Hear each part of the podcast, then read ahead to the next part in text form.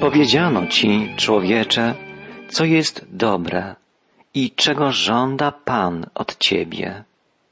To stwierdzenie proroka Micheasza jest jedną z najważniejszych wypowiedzi proroka z Moreszet. Micheasz stwierdza, że człowiek otrzymał od Boga wystarczającą informację o tym, co jest dobre i czego Stwórca od niego oczekuje. Szósty rozdział Księgi Micheasza ukazuje nam wyraźną drogę wiodącą do zbawienia. Dzisiaj chcemy skupić naszą uwagę na trzech wierszach rozdziału szóstego. Zapisana jest tu niezwykle przejrzysta, jasna nauka o tym, czym w swojej istocie jest prawdziwa pobożność. W szóstym wierszu szóstego rozdziału Księgi Michała znajdujemy najpierw pytanie, z czym stanę przed Panem i pokłonię się Bogu Wysokiemu?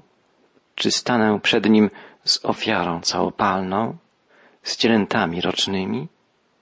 Pierwszym pytaniem, jakie najczęściej zadaje człowiek, jest pytanie, z czym mogę stanąć przed Bogiem? Czego Bóg ode mnie oczekuje? Jak mam się zachować, żeby było oczywiste, że chcę się Bogu pokłonić? Dlaczego człowiek zadaje sobie takie pytanie? Bo chce uzyskać odpowiedź w dręczącej go kwestii. Czy w ogóle możliwe jest nawiązanie kontaktu z żywym Bogiem? Jak dotrzeć do Boga? Jak się z Nim porozumiewać, komunikować? Jak uzyskać trwałą łączność z Nim? Jak uzyskać pewność zbawienia?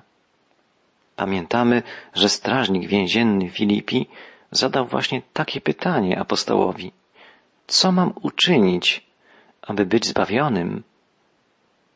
Bogaty młodzieniec przyszedł do Jezusa pytając, co mam uczynić, by osiągnąć życie wieczne? Jest to dobre pytanie, ważne pytanie, chyba najważniejsze w życiu. Problem w tym, że najczęściej człowiek sam szuka odpowiedzi. Bogatemu, młodemu człowiekowi, który miał przed sobą całe życie, Jezus wskazał drogę. Ale człowiek ten nie przyjął wskazówki Jezusa i odszedł zasmucony. Ludzie mają swoje wyobrażenia o drodze wiodącej do Boga, drodze wiodącej ku zbawieniu. Najczęściej w ich umyśle pojawia się taka myśl. Muszę coś zrobić dla Boga. Muszę czymś zasłużyć sobie na zbawienie. Prorok Micheasz podaje takie przykładowe, typowe pytanie. Czy stanę przed nim z ofiarą całopalną, z cielętami rocznymi? Co powinienem zrobić? Powinienem złożyć Bogu ofiarę. Powinienem coś mu ofiarować. Wtedy zaskarbię sobie jego przychylność. Owszem, Bóg przekazał ludowi izraelskiemu polecenia odnośnie kilku rodzajów ofiar, ale jak wyjaśnia Pismo Święte, były one tylko zapowiedzią ofiary Chrystusa. Nie miały same w sobie żadnej mocy, by przybliżyć człowieka do Boga. Nie chodzi więc o wypełnianie ceremoniałów, obrzędów. Chodzi o coś o wiele głębszego. Chodzi o szczerą pokorę, o otwarcie się na działanie Boże, a nie poleganie na własnych uczynkach. Nie chodzi o to, że my musimy coś zrobić dla Boga. Chodzi o to, żebyśmy zrozumieli, co Bóg uczynił dla nas, żebyśmy zrozumieli i przyjęli jako jedyną podstawę naszego zbawienia Boże dzieło, Bożą sprawiedliwość, Boże miłosierdzie, Bożą łaskę. Jest to dla nas niezwykle trudne, niewygodne, bo łatwiej jest coś dawać, coś ofiarować, na przykład jakąś część swojego czasu, jakąś część swoich dochodów i mieć poczucie spełnionego obowiązku, uspokoić swoje sumienie. Ja jestem w porządku. Zrobiłem coś dla Boga. Czy On jeszcze ma prawo czegoś ode mnie oczekiwać? Drogi przyjacielu, jest to przejaw pychy, przejaw arogancji, zarozumialstwa człowieka. Taka postawa nie otwiera drogi do Boga. Przeciwnie, zamyka ją, bo wtedy my, zadufani w sobie, przekonani o swojej samosprawiedliwości, zamiast szukać łączności z Bogiem, grzęźniemy w samozadowoleniu i nie jesteśmy świadomi swojej grzeszności, nie szukamy ratunku u Boga, nie szukamy u Niego przebaczenia i oczyszczenia. Wielu ludzi prezentujących taką postawę czuje jednak, że nie dość wiele czyni dla Boga i że musi mnożyć swoje zasługi. Człowiek myślący w ten sposób wpada w pułapkę coraz większej ofiarności i jednoczesnego braku satysfakcji, braku spełnienia i braku poczucia bezpieczeństwa, braku pewności zbawienia. Zwróćmy uwagę na następne pytanie przekazane nam przez proroka Michała. Czy Pan zadowoli się tysiącami baranów, miliardami potoków oliwy? Inaczej mówiąc, czy Bóg będzie zadowolony ze mnie, kiedy będę bardzo ofiarny, kiedy będę jeszcze bardziej szczodry niż dotąd? Biblia udziela na to pytanie jasnej odpowiedzi. Posłuszeństwo lepsze jest od ofiary. Tak, jest to szlachetne, potrzebne, dobre, by być szczodrym, by być wrażliwym na potrzeby innych, by pomagać ubogim, by łożyć na Kościół, do którego należymy, by wspierać akcje ewangelizacyjne, charytatywne, misyjne, ale nie jest to podstawą naszego zbawienia. Na zbawienie nie można sobie zasłużyć.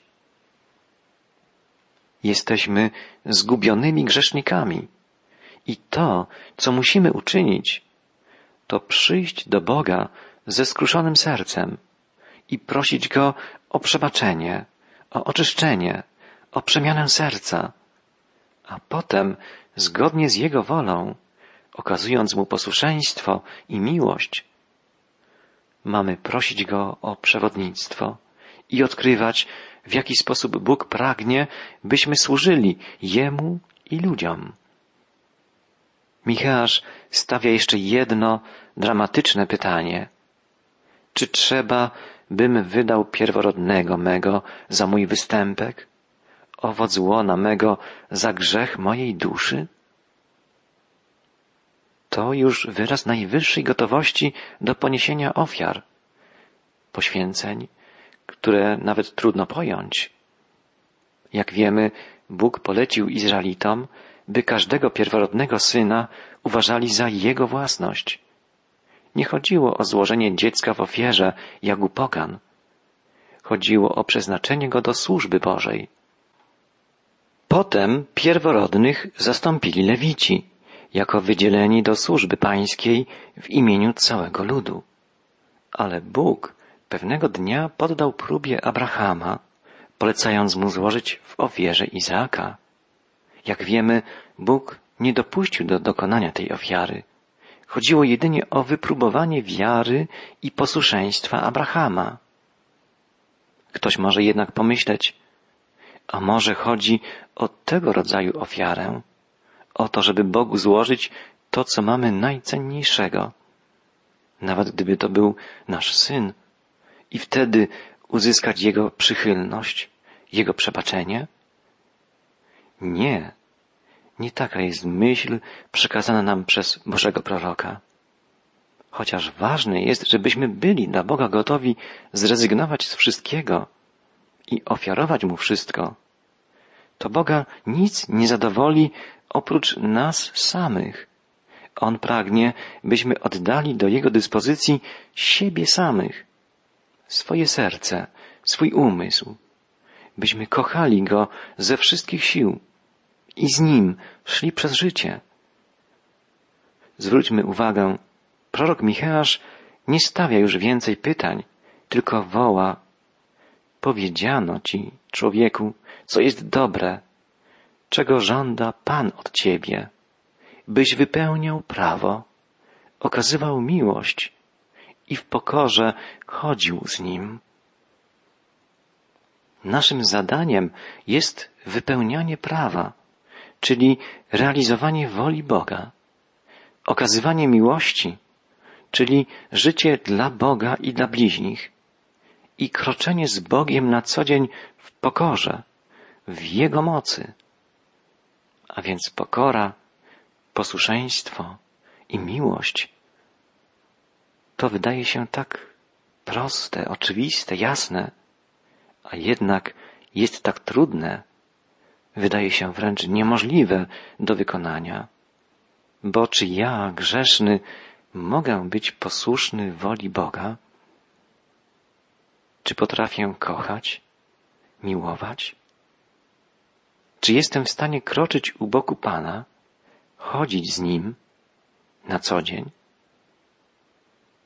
To wszystko jest możliwe tylko w mocy Pana. Własnymi siłami nie jestem w stanie osiągnąć niczego. Jezus powiedział, beze mnie nic uczynić nie możecie. Musimy być odrodzeni i stale przemieniani przez Ducha Chrystusowego, a wtedy będziemy mogli wyznać za apostołem Pawłem. Wszystko mogę w tym, który mnie wzmacnia, w Chrystusie. Bóg w swojej niezgłębionej miłości pragnie zniewolonego, ujarzmionego przez grzech człowieka wyzwolić, odrodzić. I Bóg sprawia taką decydującą przemianę w życiu każdego, kto otwiera dla Niego swoje serce. Wspaniale napisał o tym apostoł Paweł w liście do Efezjan.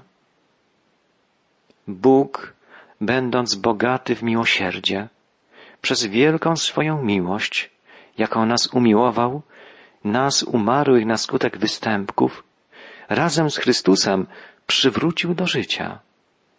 Łaską bowiem jesteście zbawieni. Razem też wskrzesił i razem posadził na wyżynach niebieskich w Chrystusie Jezusie. Wspaniałe słowa. Bóg w wielkiej miłości ożywił nas wraz z Chrystusem. To ożywienie, uzdrowienie obejmuje wszystkie dziedziny życia, w których zostaliśmy zniewoleni przez grzech. Bóg okazał nam swoją łaskę. Gdzie ja teraz znajdę Przebaczył Tobie mnie. To jest radykalna zmiana sytuacji zgubionego człowieka. Uwikłany w grzech, egocentryczny, skoncentrowany na własnych potrzebach, rządzach, człowiek nie jest w stanie sam siebie ocalić. To dotyczy także Ciebie i mnie, każdego z nas. Ale Bóg w Chrystusie okazuje nam swoją cudowną łaskę, swoją potężną, przemieniającą miłość. Miłość przynosi wolność. Z więźnia grzechu i śmierci miłość Boga czyni człowieka wolnym, kochającym człowiekiem, który jako Boże dziecko jest już, można by tak powiedzieć, jedną nogą w niebie. Jak napisał apostoł narodów, taki człowiek jest obudzony z martwych i wprowadzony do Królestwa Niebios. Bóg, który jest bogaty w miłosierdzie, dla wielkiej miłości swojej, którą nas umiłował i nas, którzy umarliśmy przez upadki, ożywił wraz z Chrystusem. Łaską zbawieni jesteśmy i wraz z Nim wzbudził i wraz z Nim posadził w okręgach niebieskich w Chrystusie Jezusie. Ten fragment biblijny zawiera najbardziej jasną, najbardziej czytelną naukę o zbawieniu człowieka jedynie dzięki łasce Boga. Apostoł podkreśla bardzo mocno tę prawdę, że jesteśmy zbawieni przez łaskę Boga, a nie dzięki naszym uczynkom, naszym zasługom. Nie możemy zapracować sobie na miłość Bożą, ale możemy i musimy pokazać, jak bardzo jesteśmy za nią wdzięczni, dążąc całym sercem do takiego życia, jakie uraduje Jego serce. Bóg nas kocha jak nikt inny i pragnie, byśmy i my Go kochali. Pragnie, by nasza miłość była szczera, by zaangażowane w nią było nasze serce, nasz umysł, nasze siły, nasze zdolności. Pomyślmy, jak zupełnie inna jest taka więź, więź miłości, od stereotypowego obrazu chrześcijaństwa jako uciążliwego przestrzegania przykazań i nakazów Bożych. Kiedy kochamy Boga całym sercem swoim, chcemy Go zadowolić. Pragniemy tego i czujemy się szczęśliwi, że możemy odczytywać i wypełniać Jego wolę. Boża łaska jest niezmierzona. Prorocy i apostołowie mówią o niewyczerpanym bogactwie łaski Boga. Łaska Boga to niezmierzony ocean. Co to właściwie oznacza, że zostaliśmy uratowani dzięki łasce Boga? Znaczy to, że Bóg, widząc naszą nędzę, wiedząc o naszym upadku, o naszych słabościach, jeszcze zanim stworzył wszechświat, stąpił ku nam w Chrystusie, żeby nas ratować, żeby dać nam nowe życie. Dlaczego tak uczynił? Nie dlatego, że na to zasłużyliśmy czymkolwiek, ale dlatego, że On jest miłością. Bóg przyszedł do nas, bo kocha Ciebie i mnie.